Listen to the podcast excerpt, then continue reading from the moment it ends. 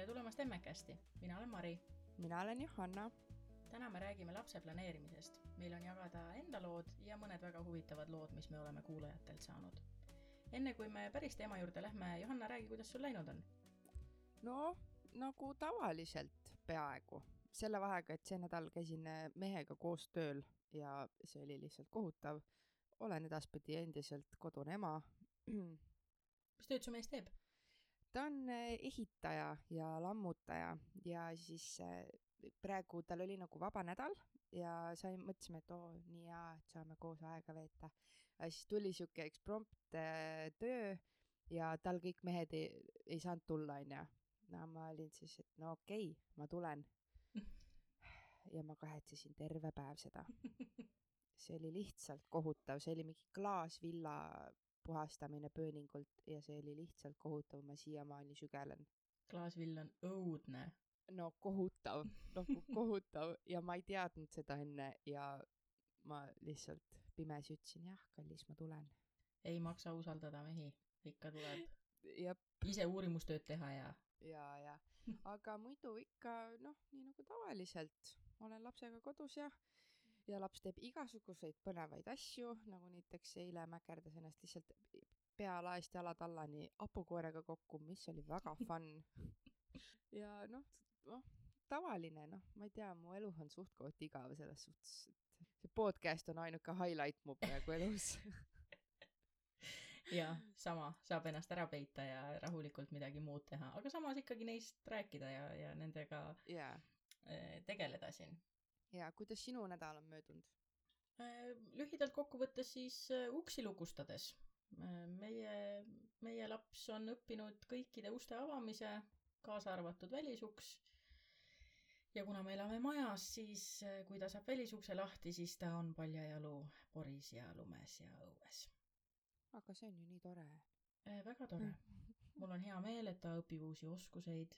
ma toetan tema arengut igati ja samas hoian kahe käega peast kinni ja mõtlen, et miks ma endale nii tegin ei, meil ka need toauksed lähevad no nii lihtsalt lahti ja ma praegu lihtsalt tänan Jumalat, et ta selle välisukse lingini ei jõua.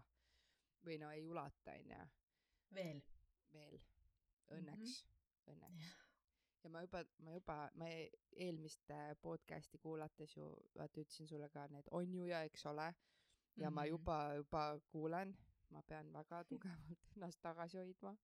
aga ma proovin ennast parandada. õpime, saame targemaks, hoiame ennast tagasi, jätame igasugused täitesõnad ja, ja muud toredused ära. proovime. räägime nagu intelligentsed, haritud inimesed. jah nii, kas me asume teema juurde? no asume, mis me siin ikka okei okay,, okei okay., ma siis alustan. alusta. minu enda lapse planeerimise looga. me olime mehega rääkinud päris, päris põhjalikult juba, et kuidas me üldse seda lapse värki nagu ette kujutame, et mitut last me tahame, kus me neid kasvatada tahame, kuidas me neid kasvatada tahame. ja kui me siis olime abielus juba ja jutt läks tõsisemaks, siis äh, esimene suur takistus oli see, et me ei tahtnud äh, last linnas kasvatada. me elasime sellel hetkel äh, kahetoalises äh, korteris Kristiines Tallinnas ja me teadsime, et me tahame tulla maale. me oleme ise mõlemad maakad, mina olen Võrust, tema on siit, siit Mustvee kandist. ja see siis oli esimene suur takistus, et ostame maja ära ja siis hakkame last tegema. ostsime maja ära maja on äh, kuuekümne neljandal aastal ehitatud, seisnud kümme-viisteist aastat tühjana. enne seda elas siin üksik vanainimene, ehk siis remonti pole see maja näinud alates sellest ajast. ja, ja panime plaani paika, hakkasime remonti tegema. ja siis äh, jätsin ära nuvaringi, mida ma olin circa kümme aastat kasutanud. kas see on äh, spiraal või? Äh, ei, see on, äh, ta on küll vaginaalne vahend, aga ta on sihuke, sihuke kummirõngas või sihuke. aa, okei okay.. et äh, ka hormonaalne vahend, aga kuna, kui ma käisin günekoloogi juures, ähm, ma arvan, ma olin äkki kuusteist, seitseteist, kui ma läksin jutuga, et ma tahaks midagi, siis ma teadsin, et tablettide võtmiseks ei ole ma piisavalt täpne ja et äh, plaaster, kuna ma olin juba siis ülekaaluline, siis äh, ta, gümnakoloog arvas, et plaaster ei pruugi mõjuda nii, nagu ta peaks, ehk siis, äh, ehk siis jäigi nuvaring ja minu arust oli ta väga mugav, väga mõnus oli kasutada. ja, ja siis ma jätsin ta ära, kuna ma olin teda nii pikalt kasutanud, siis, siis ma teadsin, et noh, ega esimese kuuga ei, ei juhtu nagunii midagi. kui, kui teine kuu ka midagi ei juhtunud, siis ma juba mõtlesin, et noh, natuke kurb on, et, et miks siis nagu. samas aga ma ei jälginud nagu, ma ei jälginud kalendrit alguses üldse. teeme seda vanainimeste värki ja küll, küll siis vaatame, et noh, juhtub või ei juhtu, onju. ja noh, samas on, on ju ka nagu meeles teismeeast, vähemalt mul, ma ei tea, kas see on sinu kogemus ka, et et räägiti, et sisuliselt võib rasedaks jääda sellest, kui, kui mõni poiss sind vähe pikemalt vaatab. kohe jääd rasedaks. jep. Kohe et ei maksa üldse teha mitte midagi, sest et sa kohe jääd rasedaks, ei maksa poistega käest kinni hoida mitte midagi. nii, ja nüüd, kui tahad ise rasedaks jääda, siis saad aru, et rasestuda on võimalik ainult neljakümne kaheksa tunni jooksul igas kuus ja siis peab olema veel täiskuu ja taustal peab mängima romantiline muusika ja kõik peavad pea peal seisma, et noh, see rasedaks jäämise võimalus tegelikult. ära kolme veretilka unusta. jah, vabandust, vabandust, muidugi et äh, tegelikult on see ju selline teadus ja õnn ja kõik asjad kokku, et äh, kõik raamatud, artiklid, mida ma lugesin sellel ajal, kui ma päriselt üritasin rasedaks jääda, ütlesid, et oh, kui aastaga ei õnnestu, siis hakka mõtlema, et äkki võiks minna arsti juurde, et nii kaua on kõik väga okei okay., kõik on väga hea. mis tähendab aasta? ma olen praegu valmis. mis mõttes, et äh, mul on korralik töökoht, meil on maja olemas, mul on abikaasa kõrval, nagu palun, palun andke see laps mulle, nagu mis mõttes ma pean aasta ootama äh,. räägib kärsitus minus. et äh, kui ma siis ei olnud neljandal kuul ka veel triipe saanud, vaid tulid päevad ja ma olin ikka juba päris, päris nukker äh,, ostsin endale sada ovotesti koju, kiirtesti, hakkasin igal hommikul äh, igal hommikul temperatuuri jälgima, mõõtma, kohe silmad lahti, kraadiklaas oli voodi kõrval, ehk siis, kes ei tea, see on siis üks meetod, kuidas potentsiaalselt oma evolutsiooni jälgida, et kui temper-, kehatemperatuuris on äh, märgatav tõus, siis see võib tähendada äh, viljaka perioodi algust. ja siis niimoodi ma siis elasin veel kaks kuud, igal hommikul märkisin oma temperatuuri kalendrisse, tegin ovoteste ja, ja nii ta läks. ja meil läks kuus kuud kokku, enne kui ma siis selle äh, väga-väga-väga heleda triibukese sain, mida mu mees siiamaani väidab, et ei ole olemas. mina pole kunagi isegi näinud seda ovulatsioonitesti, see on nagu taoline nagu rasedustest või? sisuliselt küll, neid on, neid on ka erinevaid, et need, mis ma tellisin, on need kiirtesti moodi, ta on niisugune pabeririba põhimõtteliselt. Mm. aga noh, töötab samamoodi selle uriini pealt mm.. et äh, neid, neid on nüüd mul veel alles, et kui, kui läheb teise planeerimiseks, siis siis ma hakkan kohe sellega pihta, et eh, selles mõttes on hästi huvitav nagu enda puhul ka jälgida praegu seda, et eh, me räägime teisest lapsest eh, ja kuidas need mõtted ja need hirmud on nii erinevad esimese ja teise lapse puhul, et nagu näiteks? no esimese lapse puhul oli sünnitus ja, ja, ja see üldse see rasedus ja kõik, kõik see oli nagu nii noh, täiesti tume maa ju selles mõttes, ei tea ju, et äh, ainukene kord, kui oled äh, naistearsti juures käinud, ongi ütleme aasta või kahe jooksul korra kontrollis lihtsalt. aga et nüüd siis äh, iga kuu käi kontrollis ja siis nad teevad ultrahelisid ja siis see laps peab kasvama ja siis kuidas sai lugeda igasugustest arengupeetustest ja igasugustest võimalustest, mis võib valesti minna, kui paljud rasedused katkevad, kuidas võivad minna sada miljon asja võib valesti minna et kuidas on mul kodus praegu täiesti terve kümne sõrme ja kümne varbaga poiss, kellel ei ole mitte ühtegi probleemi, mitte ühtegi haigust, on täielik müstika. et see on see lapse areng või just see raseduse osa ja see oli nagu number üks. muidugi siis ka see, et kas me maja saame valmis ja kuidas me siia maale ikka tuleme ja kuidas ma selle toitmisega hakkama saan ja kuidas, kuidas mähkmed ja kuidas jalutamas käimine, no kõik sellised mõtted täna ma muretsen enda pärast kõige rohkem, teise lapse puhul. et nüüd, kui ma tean, mida tähendab magamatus, nüüd, kui ma tean, mida tähendab äh, koleerilise beebiga öösiti kolm tundi mööda pimedat tuba jalutada ja, ja üritada teda kuidagi rahustada, ja siis ma muretsen enda hakkamasaamise pärast rohkem, kui ma lapse pärast muretsen. Ja, ja samamoodi on see, noh, ütleme enda suhte peale ma nagu mõtlemine, et äh, ma arvan, et mul on väga tugev abielu, mul on väga tore mees. Ja mõtlen ikkagi selle peale, kuidas, kuidas me hakkama saame, sest kaks väga väsinud magamata inimest on väga lühikese süütenööriga mõlemad. Ja need tülid ja need, need probleemid, mis meil esimese lapsega päris alguses olid, noh, nad lahenesid. Ja, ja sai üks magada ja sai teine magada ja palusime vabandust ja, ja elasime edasi rahulikult, aga see algus oli ikka see harjumine oli ikka väga õudne. nüüd lisame sinna veel, ütleme, kahe või kolmeaastase väikelapse juurde, siis ähm,, see tundub väga hirmus tundub, aga samas, samas mõtled, et võib-olla see esimene, no aasta on raske. siis on juba chill mm. -hmm. Ja siis on juba hea, vaata, lastel on mängukaaslased. jaa, jaa, absoluutselt. ja, ja sellepärast äh, ma tahangi lapsed saada noh, kuigi tänapäeval ka neljakümneaastane sünnitaja ei ole nagu mingisugune küsimus, on ju, aga ma ise tunnen, et äh, ma tahaks kõik lapsed, kelle ma üldse kunagi saan, noh, on neid siis kaks, kolm või neli, äh, tahan saada võimalikult väikeste vahedega, et kui see beebiaeg on tehtud, siis ta on tehtud. Et see, see minu jaoks tundub kõige, kõige raskem elu, eluperiood nende juures et äh, ma ei saa neid ise kuidagi aidata, tähendab, saan muidugi mm, -hmm. aga et ma ei saa aru, mis see täpne probleem on. ja ma olen ise magamata ja ma olen ise väsinud ja kurnatud ja nii edasi. et ma tahaks, tahaks ka teise ja kolmanda lapse saada nii, et, et neil on üpris väike vahe ja et siis saab minna eluga edasi, siis ma saan nad pakkida kõik autosse, teha mingeid ägedaid asju, sõita kuskile olla. Et ma ei pea muretsema nende samade mähkmete või kolmetunnise söömisvahe või mis iganes asjade pärast. ega ma arvan, et kui me elaksime täitsa oma kodus ja, ja niimoodi, siis ma arvan, et mul võib-olla ka juba varsti oleks teine hakkama pandud, aga kuna minul on kindel plaan, ma ütlesin mehele, nii kui me oma kodu saame, nii me kohe teeme teise lapse. Kuidas tema sellesse suhtub, kas nüüd jääb koduost selle taha, et sina hakkad kohe teist last saama või? No ta on endiselt natukene no vaatame, aga siin ei ole enam midagi vaadata. täpselt, pihta tuleb hakata. jah.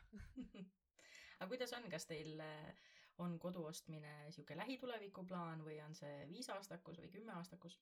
no ma tahaks öelda, et lähitulevik ikkagi, aga see kõik äh, oleneb nagu sajast miljonist asjast mm. -hmm. et äh, no minu mees on selline, et äh, talle ei meeldi laenud mm.. ta ei taha laenu, ta ei taha laenu võtta, ta tahab ise, et see ei ole panga oma, noh mm -hmm., tegelikult ikkagi põhimõtteliselt, kui sa võtad laenu, siis jah, sa maksad seda endale, aga see on alguses ikkagi panga oma, onju.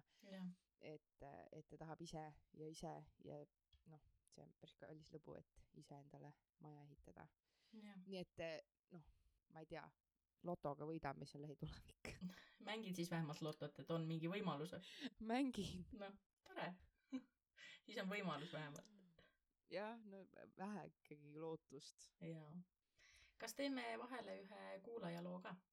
oota, mul on üks küsimus, kas äh, sa muidu kasutad mingit äh, rasestumisvastast vahendit ka praegu või? noh, sellega on nii, et kui nüüd ema juhtub kuulama siis, äh, siis ta saab teada, et me tegelikult äh, katsetame juba, et ma jätsin, jätsin minipildid ära äh, ja, ja me tegelikult juba proovime mm., et fingers crossed. äkki varsti saab uudiseid? no jah, jah, räägin sellest, räägin sellest kindlasti järgmistes saadetes rohkem, aga see varsti uudistest, kui ma jäin esimese lapsega rasedaks, siis ma töötasin öötööl. Ma töötasin USA klientidega, ehk siis ma käisin tööl kella noh, vahetused varieerusid, aga tööaeg oli, oli neljast äh, õhtul kella kolmeni hommikul. ehk siis ma pidin tööandjale kohe teatama, et ma olen rase, pärast seda, kui ma olin siis käinud rasedust tuvastamas. ja sellega seoses said ka kõik minu pereliikmed ja, ja sõbrad teada sisuliselt äh, kohe, et äh, ma tegin selle testi, mis oli positiivne esimese kuskil novembri keskel, kuupäeva täpselt ei mäleta, ja, ja jaanuari alguses sain käia tuvastamas rasedust ja kas oli äkki üksteist või kaksteist jaanuar, kui ma siis perele juba rääkisin. ma ei ütle, et see üldse halb on, et ma ilmselt järgmisega ka ei, ei kavatse kolm kuud oodata, aga aga esimesega võib-olla oleks tahtnud seda aega natuke nagu nautida rohkem. minul said ka kõik kohe teada ma ei oska saladust pidada. no ongi, täpselt, et äh, miks sa järsku veini ei võta või miks, noh, mis toimub nagu? ja no minu see, kuidas ma sain teada, et ma olen rase, on üldse omamoodi lugu, mis on ka päris äge. sellest räägime järgmine kord. ja, ja see, see, see oli üks äge lugu. aga võtame siis ühe lugejakirja ka vahele mm. -hmm. meile kirjutas Liivia, kes äh, kirjutas meile niimoodi. mõtlesin ka ühendust võtta, et rääkida oma lugu esimese lapse planeerimisest. kui selline formaat sobib, siis kirjutan täpselt küsimuste järgi, mitte vabas vormis. kui midagi veel vaja teada saada või täpsustada, siis andke teada. abiellusin mehega, kellega tahtsin kindlasti kunagi pere luua varasemates suhetes seda tunnet ei olnud, aga temaga olles tekkis see õige tahtmine. turvatunne, ühised soovid, uskumused ja maailmavaated. väga tüüpiliselt paljude teiste paaridega hakkasime ka meie proovima suhteliselt kohe peale abiellumist. siis ei teadnud arvata, et läheb pea kolm aastat, et rasedaks jääda. kui peale kuus kuud proovimiste tulemust ei olnud, siis alustasin kõikvõimalike uuringutega. see kestis pikka aega, mille tulemusena diagnoositi mul lõpuks endometrioos, mis seletas ka, miks rasestumine raskendatud oli kõige selle kõrvalt hakkasin ka uurima, mismoodi saaks loomulikult hormoone stabiliseerida, muutsin dieeti, võtsin toidulisandeid ja hakkasin kasutama eeterlikke õlisid. pikka aega oli kohutav kadedus. igal pool nägin rasedaid naisi, beebisid ja väikseid lapsi. süüdistasin ennast ja enda keha ning võttis reaalselt aastaid, et sellest üle olla ja suuta end, end positiivsemalt häälestada kaks ja pool aastat, mis mõne jaoks ehk ei olegi nii pikk aeg, aga meie jaoks tundus see igavikuna. juba mainisin haigust nagu endo-, endometrioos ja seda, et arstide poole pöördusin siis, kui olin umbes kuus kuud tulemusteta proovinud. selle haiguse tuvastamine võib olla pikk protsess ja Inglismaal läheb selleks keskmiselt seitse aastat. meie tütar sündis Londonis ja kõik need eelnevad protseduurid võtsid aset seal, mitte Eestis minul läks kergemini ning umbes kahe aastaga saadi lõpuks pihta, mis mul viga on. endometrioos võib põhjustada viljatust ja minu puhul see nii oligi. mulle tehti laparoskoopia, mille järgselt umbes kolm kuud hiljem ma rasestusingi. selleks ajaks olin ma tegelikult ise juba maha rahunenud ning leppinud olukorraga, et meil lihtsalt läheb kauem aega, et unistused täide viia. kui kellelgi tekib küsimusi, siis võin veel pikalt ja laialt rääkida oma kogemusest endometrioosiga elamisest. kui keegi soovib Livia käest midagi küsida, siis äh, meie oleme väga avatud sellele mõttele, et Liviaga äkki kunagi isegi mõni saade teha ja Livia on ka Instagramis leitav, et äh, äkki me paneme ta Instagrami kuskile description'isse jaa, absoluutselt, äh, jagame neid kontakte ja saate Liiviga otse suhelda või siis meile panna kirja küsimused, mis äh, nende keeruliste sõnadega koos äh, võisid tekkida ja ehk siis istume maha ja räägime Liiviga pikemalt. Johanna, kas sa räägid oma loo äkki ära? ma mõtlen, et mis ma siis nüüd siis täpsemalt räägin siin, ma eelmine, eelmine saade nagu rääkisin, et mul oli suhteliselt ups rasedus onju, et ma küll rääkisin, et et ma lõpuks nii-öelda andsin võimaluse, et, et okei okay,, nüüd võib tulla. ja nii ta kohe tuligi.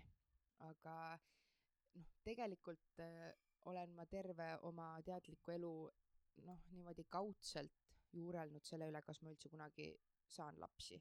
sest et äh, kui ma olin väike, noh, sihuke nelja-viiene, siis mul oli kasvaja, mida ei saa, noh, arstid ei osanud mind aidata äh, ja minu ema pöördus siis, kuidas nüüd öeldagi viisakalt.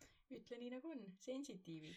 sensitiivide poole jah. või ravitsejad. ravid, noh okei okay,, no see on ju see jube popp on see praegu, ütle nüüd, mis on popp, noh see, mul ei tule praegu see mingi öko mingi värk. homo, homopaat-, homoöpaatia. ja ma ei suuda seda sõna öelda. vaata, siis ma arvan, et kõik saavad aru, mida ma mõtlen see, et ma rääkida ei oska, see on minu enda probleem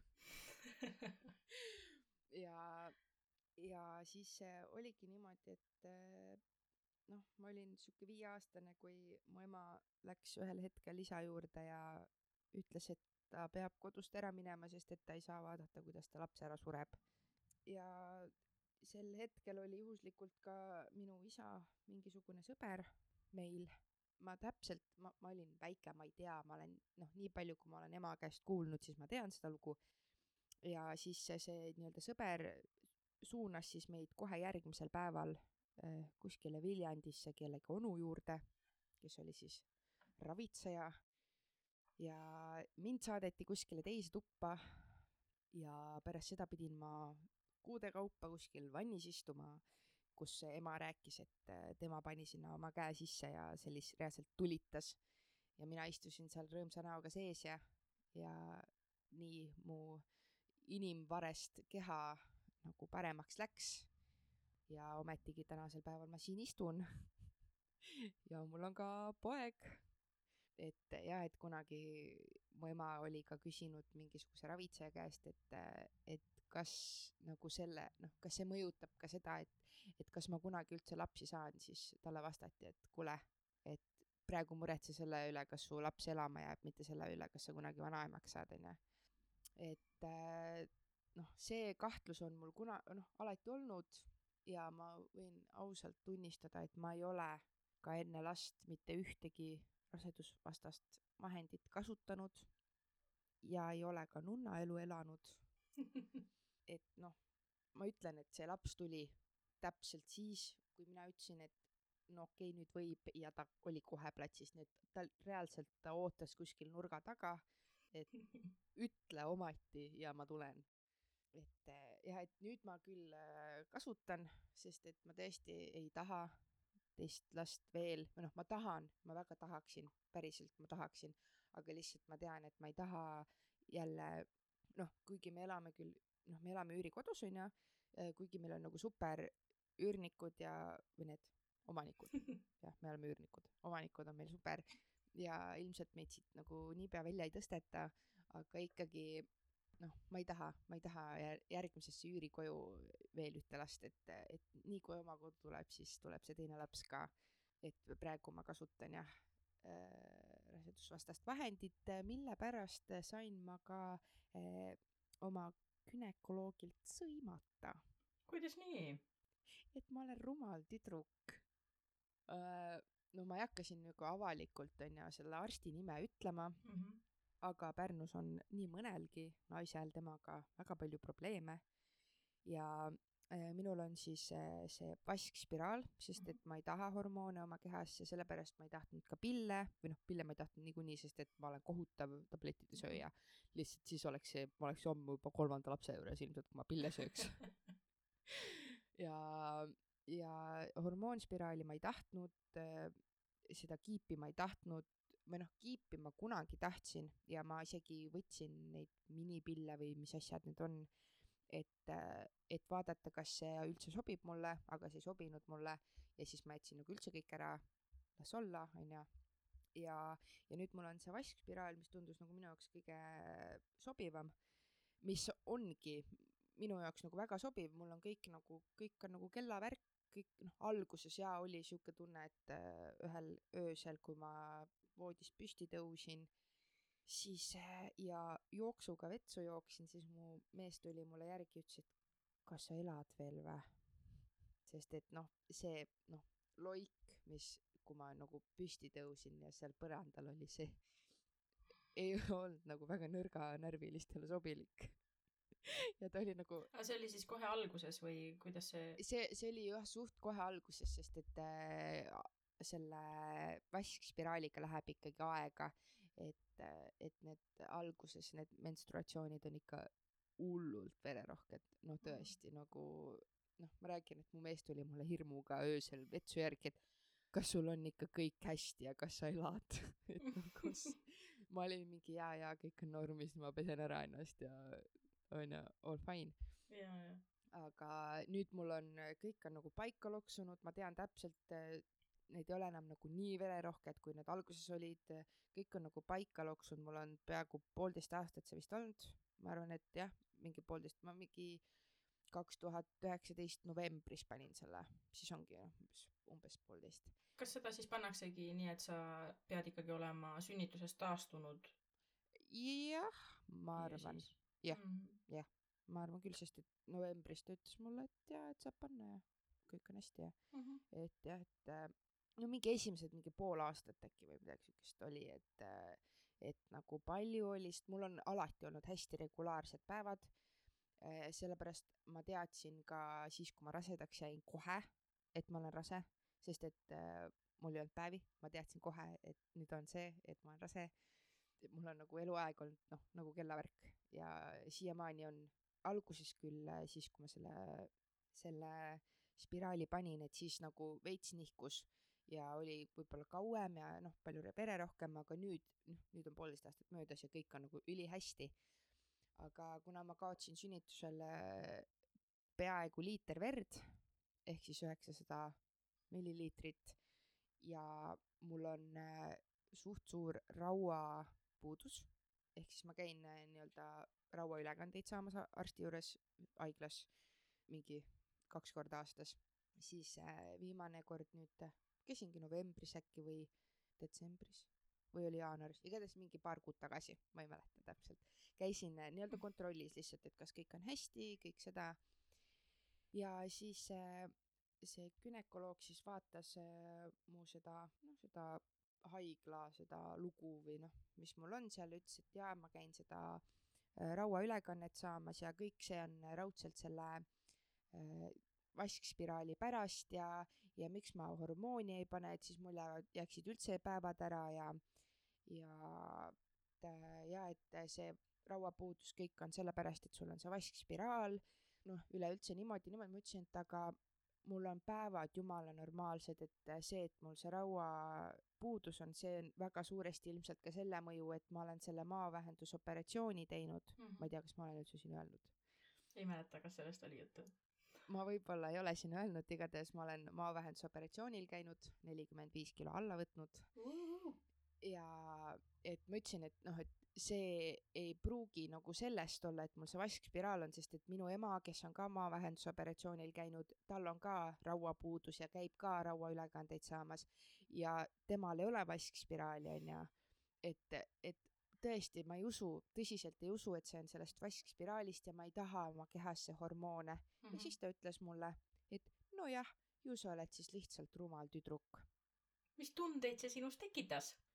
tead, ma jäin vait nagu sukk mm, -hmm. mul vajus karp räigelt lahti ja siis ma ütlesin, et nojah, ju siis olen.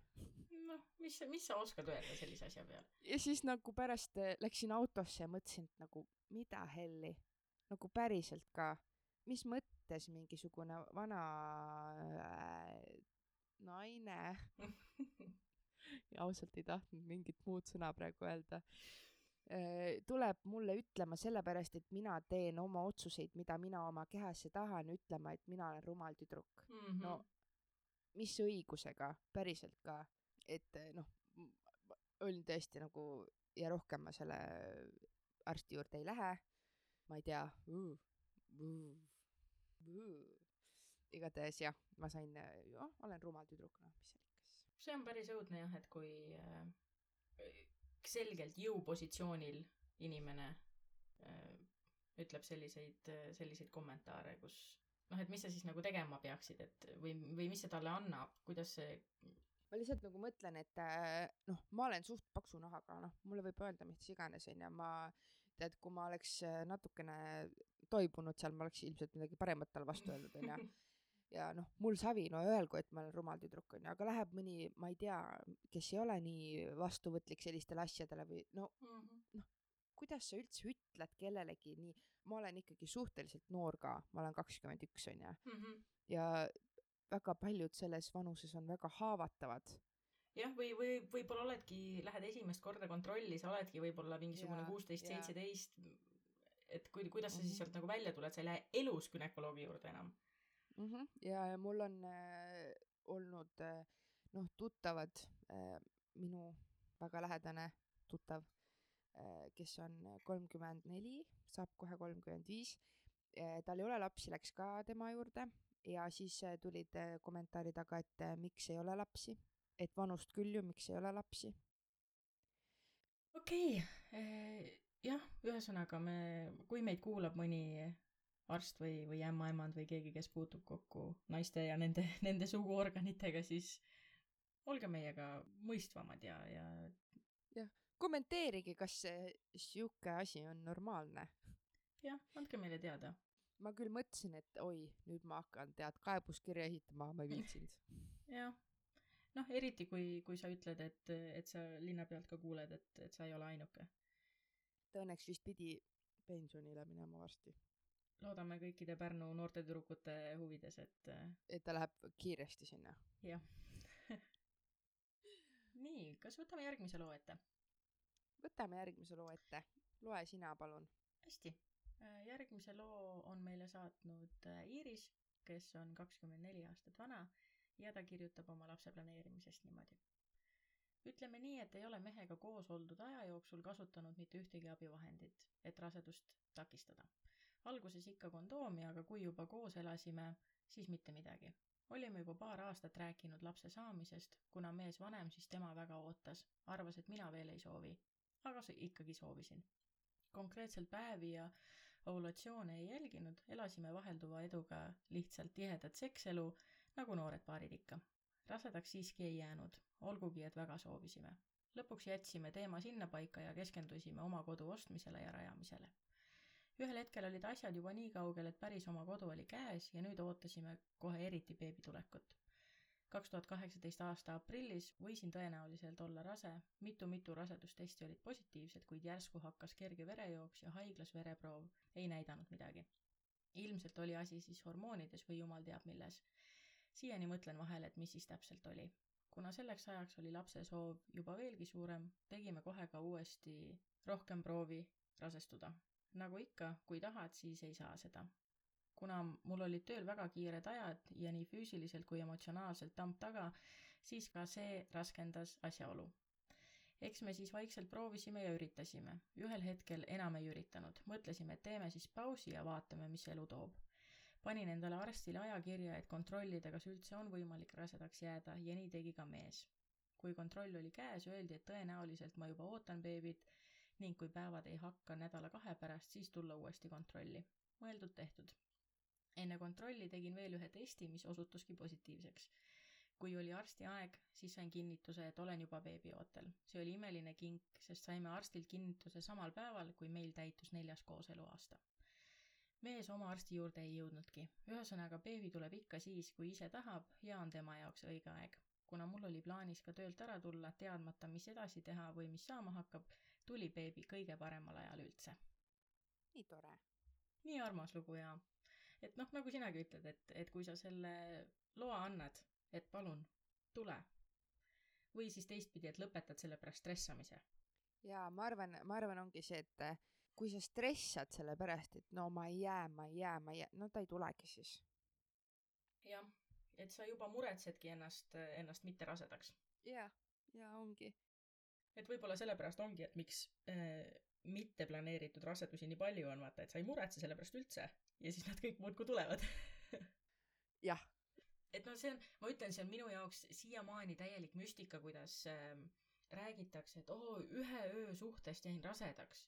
Nagu kui palju erinevaid asjaolusid peavad kokku langema selleks, et sa ühest ööst jääksid rasedaks. täielik müstika. aga siis see, aga see tähendabki seda, et see oli meant to be, noh. ilmselt, ilmselt küll. siis jah, vot minu arust mitte ainult beebi saamisega või rasedaks jäämisega, minu arust see nagu üleüldse kõikide asjadega siin maailmas, võib-olla ma olen veits siuke noh, esoteerika usku, ma tegelikult noh, väga ei ole, onju, aga et see, et no näiteks oma kodu otsimisega, sa otsid, sa otsid, sa nii pingsalt otsid, no ei tule, ei tule, kõik on mingi, see on halvasti, see on halvasti, no mitte midagi. ja siis järsku lõpetad otsimise ja see tuleb sulle kuskilt, ma ei tea, kust, mis pidi tuleb see sinu juurde ise, onju. Et kõik, mis juhtub, peab, peab juhtuma ja nii minema, nagu ta, nagu ta läheb. nagu näiteks, äh, kui meie otsisime endale uut üürikodu, ma otsisin kuu aega, me käisime mingit kahtekümmet korterit vaatamas. no ei olnud, ei olnud, see oli halvasti, mingi viissada eurot kuus ma ei taha ka maksta, onju. Mhm. see oli noh, kõik noh, ma olin lõpuks juba täiesti mõistust kaotamas, meil oli nagu kaks nädalat või nädal jäänud selleni, kus me oleks pidanud eelmisest kohast ära tulema. ja lihtsalt no täiesti võimatu. ja ma mõtlesin siis, et las ta jääda siis noh, tuleb, mis tuleb, ma ei tea, lähme siis noh, et mehel on üks ühetoaline korter ka, et no kui ei leiagi ko- kohe, et siis lähme sinna onju, mis oleme see mingi kuu aega Mhm. seal, no otsime vähemalt endale midagi, mis meeldib. ja nii kui ma selle mõtte ära mõtlesin, nii kohe tuli ka Mhm. siis kohe ja see on noh, kaudselt nii-öelda ma tean ka neid, kes, kes seda siin äh, üürivad meile, et äh, see tuli nagu täiesti selgelt taevast, täiesti perfektne, kõik sobis, asukoht sobis, lapsel on oma tuba, no kõik, kõik, kõik, kõik on nii hea lihtsalt ja see tuli noh, täiesti ise, nii et äh, see, kes äh, seda nii-öelda selle korteri omanik jagas oma Facebookis ja ma olin mingi kohe, ma tulen, Mhm. ma tulen ja võtan ära jaa, mul on äh, mõlema kodu ostmisega on sisuliselt samasugused lood, et äh, kui ma hakkasin korterit Tallinnasse ostma, sest et üürika omanik oli täiesti hull peast, ma pidin sealt nagu võimalikult kiiresti välja saama, siis äh, ma vaatasin neid kortereid ja noh, kuidagi nagu ei kõnetanud ükski ja selline imelik ja ma ei tea ja aga samas nagu see tahtmine, et ma pean siit üürikast välja saama, ma pean korteri ostma, oli nii suur ja ühel hetkel ma ei mäleta, ma vist olin tööl ilmselt, kui ma siis äh, vaatasin, et okei okay,, et ma vaatan korra veel, et noh, nagunii siin ühtegi, need kuulutused ju ei teki niimoodi viie minutiga, et noh, et pea paar päeva vahet ja vaata uuesti, ma olin iga päev neid refresh inud. mõtlesin, et okei okay,, ma vaatan korra veel ja siis annan natukeseks ajaks alla.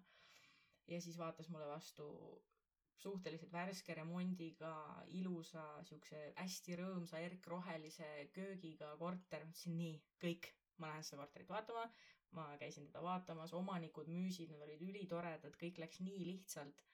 ja sisuliselt kuu aja pärast olid mul võtmed käes, korteri omad ja kui me maja otsisime, siis eh, kuna meil oli piirkond hästi oluline, me tulime tagasi minu mehe eh, kodukohta ja ta tahtis eh, kindlasti siia kanti tulla. olime käinud ka vaatamas vist ühte käisime vaatamas ja teisi vaatasime lihtsalt portaalidest ja kui mina arvasin, et Tallinnas ei teki kuulutusi juurde, siis no siin maal tekib neid veel vähem. Need samad viis maja olid olnud kõik see, ma ei tea, aasta või poolteist, kaua me seda maja otsisime, olid olnud üleval, mitte midagi ei muutunud, ükski nendest viiest ei sobinud, sest mees teadis täpselt, mis seal, noh, külaelu, eks ju. et sa tead täpselt, millal ja kes teda ehitanud on ja kui halvasti ta on tehtud ja nii edasi. ja ühel hetkel tulime siia külla mehe vanematele ja mehe vend ütles, et kuuled, et, et siin ühel majal on aia küljes on silt, et on müüa juba tükk aega. aga kuna me siia küla poole ei sattunud nagu kunagi, sest kõik, kogu pere elab teisel pool, ma ütlesin, et noh, okei okay,, lähme vaatame. ja tulime ööpimeduses sisuliselt, tulime seda maja nagu aia tagant lihtsalt piiluma, et mis ta siis on. ja siin on täpselt see kõik, mis, mis mees tahtis, mis mina tahtsin meil on jõega piirnev krunt, meil on saunamaja, meil, me oleme tee ääres ja, ja selles mõttes lasteaeda ja kooli on siit sihuke viis mintsa, kümme mintsa maksimum jalutada. et me saime ka noh, täiesti niimoodi, et kui me ei oleks suud lahti teinud, sest me väga nagu ei kuulutanud, et me otsime. aga siis tuli kuidagi, see pidi ilmselt mingi sünnipäevalaud või kuskil mingi selline koht olema, kus see tuli jutuks ja sealt me siis sisuliselt seisime kolmekesi püsti ja, ja tulime, tulime seda maja vaatama ja samamoodi käisime notaris ära ja, ja saime oma võtmed ja nüüd äh, veebruaris just sai kolm aastat äh,, kui me selle maja ostsime. et etteruttavalt, kui ma enne rääkisin, et me tahtsime oma kodu maale enne, kui me, kui me lapse saame ja selle me ka saime, siis äh, ütleme, kolimised ja, ja kõik see remont ja kõik, mis me siin tegime, ei läinud päris plaanipäraselt, et minu poeg on ikkagi pool aastat saanud Tallinnas Kristiines elada siis me alles saime siia vee sisse ja julgesime väikse lapsega siia majja tulla, et aga sellest me kindlasti räägime ka, ka järgmistes saadetes rohkem. ei, väga äge. nii, meil on üks lugu veel, jaa, on. üks päris huvitav lugu. Johanna, kas sa võtad selle? ma võtan selle. selle saatis meile üks äh, naine, kolmekümne viie aastane ja see läheb nii. otsus tehtud, oli vaja leida doonor. ennetavalt äh, võtsin vajalikke vitamiine ja üllatus oli suur, kui esimesest korrast jäin rasedaks. kahjuks see katkes ja päris kiiresti otsustasin uuesti proovida. jätkasin vitamiinidega, aga seekord jõin ka teesid, mis aitasid taastuda organismil oma tütrega jäin rasedaks teisel proovil pärast kolmandaid päevi peale puhastust ehk esimese lapse kaotust. last olen ma väga pikalt tahtnud ja plaanis oli tegelikult juba kahekümne viie aastaselt. midagi aga minus endas hoidis tagasi, lisaks sellele, et ei tundnud end valmis olevalt nii emotsionaalselt kui ka rahaliselt. alati, kui mõtlesin perekonnast, unistasin endast ja lastest. lõpuks kolmekümne kolme aastaselt sain aru, et olen aseksuaal ja peale sugulase surma tegin otsuse ise perekonna luua, üksinda. doonor on tuttav, asi toimus väga lihtsasti topsi ja süstlaga. enne seda olin kaks kuud võtnud vitamiine nagu foolhappe ja jäin esimesest proovist rasedaks. see oli suur üllatus. midagi aga kripeldas, sest kogu raseduse vältel määris. kahjuks rasedus katkes seitse pluss kolm nädalal aga ma ei teadnud sellest enne midagi kui üheteistkümnendal nädalal. Pärast puhastust tegin otsuse uuesti proovida ning suure üllatusena jäin teisest korrast rasedaks. ennetavalt võtsin B-kompleks vitamiine lisaks foolhappele ja jõin nõgese teed, et enda süsteemi toetada. rõõm ja hirm oli suur ning ka selle raseduse algus ei olnud just kõige kergem. hematoom ja haiglas kaks ööd, aga lõpuks sain oma beebi ja pere väga äge ju. nii tore, nii tore. Et see, see viimane lugu ilmestab väga ilusti seda pointi, et äh, iga pere on erinev, iga ema on erinev, iga laps on erinev, iga rasedus on erinev, jaa et äh, ei ole seda ühte ja õiget, mm -hmm.. et kuidas peab ja kuidas saab, igat moodi saab. üliäge oleks, kui mõni üksikisa meile kirjutaks. jaa, meil äh, tulevad äh, järgmistes saadetes igasugused äh, põnevad teemad. päris järgmine saade on meil äh, pealkirjaga Appi, ma olen rase. ehk siis äh, räägime kõigest sellest, mis äh, tunded valdavad äh, inimest, kes vaatab esimest korda tõtt oma positiivse rasedustestiga. minul oli küll appi. jah, minul ka, et isegi kui sa oled neid asju planeerinud, siis see no ikkagi niidab jalust ja mitte vähe. ja mitte vähe. ja kui me esimest rasedustest, positiivset rasedustesti vaadates oleks teadnud, mis meid kõike veel ees ootab, siis ta oleks veel eriti jalust niitnud ilmselt. nojah, õnneks mul oli rasedus väga chill, lapse beebi iga oli väga chill. Teie kõik on väga chill olnud. jah, jah, ma ise vaata, ma olen nii noor ja ma ei oska nagu, ma ei tea, mul on nagu tunne jäänud see, et kui sa oled nii noor, siis sa võtad nagu kõike nagu veits vabamalt äkki. mitte, mitte et nagu see, et, et kui sa vanemas ja noh, mitte vanemas ja no issand jumal, ma kõlan nagu mingi viiekümne, et ma ei tea, keegi viiekümneselt, kui sa oled umbes onju, no lihtsalt nagu vanem kui mina, kolmekümnendates. et siis võib-olla see kuidagi nagu muretsed äkki rohkem või? jah, noh, räägib nüüd see vanur, eks ju. Ma olen kolmkümmend, saan kolmkümmend üks sellel aastal. ma ei tahtnud nii mõelda. ei, ei, täiesti okei okay on, täitsa okei okay.. nii halvasti kõlas. aga, aga ei, jah, ma olen selles mõttes täiesti nõus, et äh, muretsedki rohkem, et kuidas ikka ja stabiilsus ja, ja et kõik peab olema hästi ja kuidas ikka kõik läheb. ja no lisame sinna juurde selle, et ei ole esimene noorus, kondid valutavad, eks ju. noh, ei ole see silmanägemine ja reageerimiskiirus enam see, mis ta vanasti oli, eks.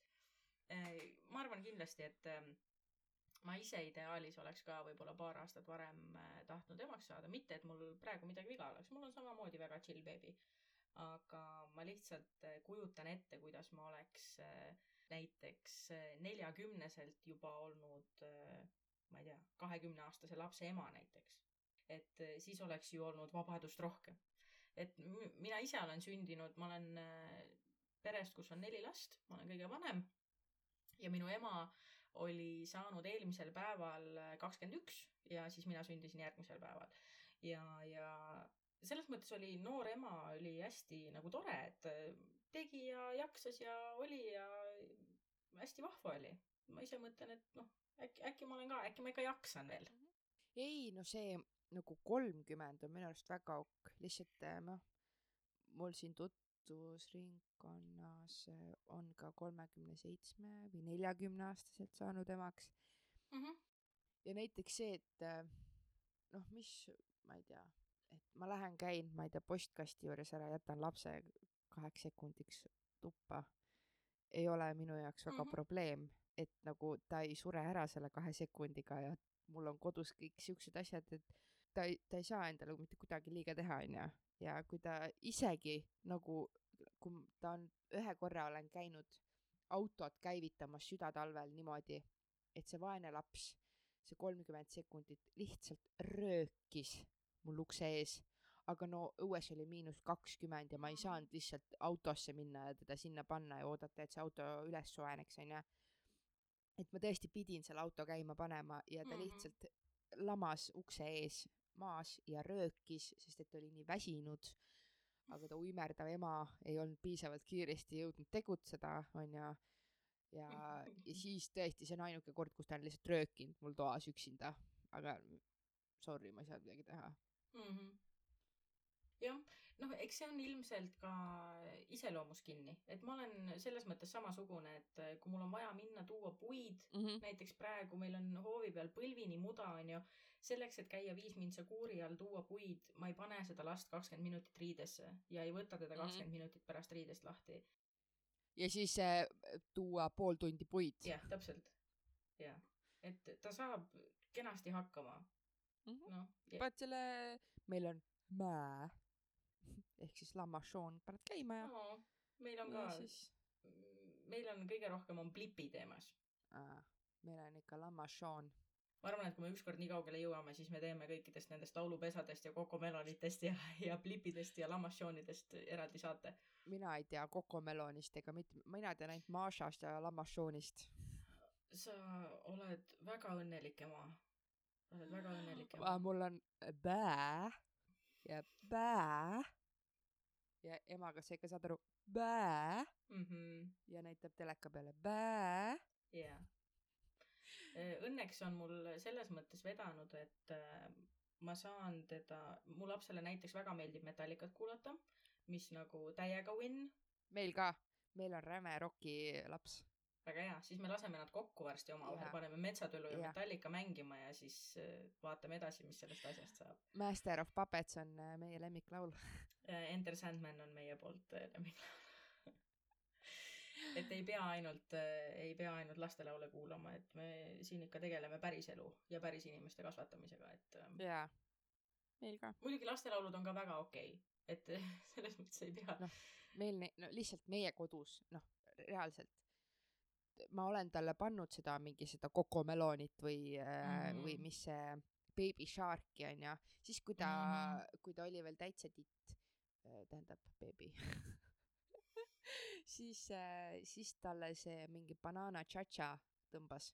no ikka ah, lihtsalt suu lahti vaatas onju. aga nüüd on see ka on jumala mõttetu juba. kas Maša või, või Lammašoon, see Coco Melon on, vaatab mind siukse näoga, et mida sa paned sealt onju, et pane mulle pää mm. -hmm ja ma olen rahul no õnneks on Sean ka selline multikas, et endalgi on naljakas vaadata. ja, ja, ja ise yeah. ka vaatad ja naerad okei okay,, aga jätame need teemad äh, mõneks teiseks saateks. tõmbame mhm. tänaseks mm -hmm. joone alla ja otsad kokku. Äh, ütleme aitäh kõigile meie kuulajatele. Äh, jagage meie saadet ka oma sõprade ja sõbrannadega. kirjutage ja joonistage. jaa, muidugi. leiate meid Facebookist, Instagramist. Youtube'ist. ja Youtube'ist ka, jaa. Spotify'st. Apple Podcasts või nagu uhked välismaa podcasterid ütlevad, wherever you like to listen ehk siis järgmine kord räägime positiivsest teemast, positiivsetest rasedustestidest, tunnetest ja hirmudest, mis eh, selle kõigega kaasneb ja jaga meiega oma lugu ka. mine meie Facebooki või Instagrami, sealt leiad teemapostitused tulevaste saadete kohta. jäta meile kommentaar, saada kiri, saada häälsõnum, kuidas iganes sa soovid meiega suhelda ja jaga oma kogemusi ka teistega, sest see on selle podcasti kõige suurem idee, et naised tunneksid, et nad ei ole üksi. jah, nii on. nii on. väga äge oli. aitäh, et meiega olite ja kuuleme juba järgmine nädal. tšau. tšau.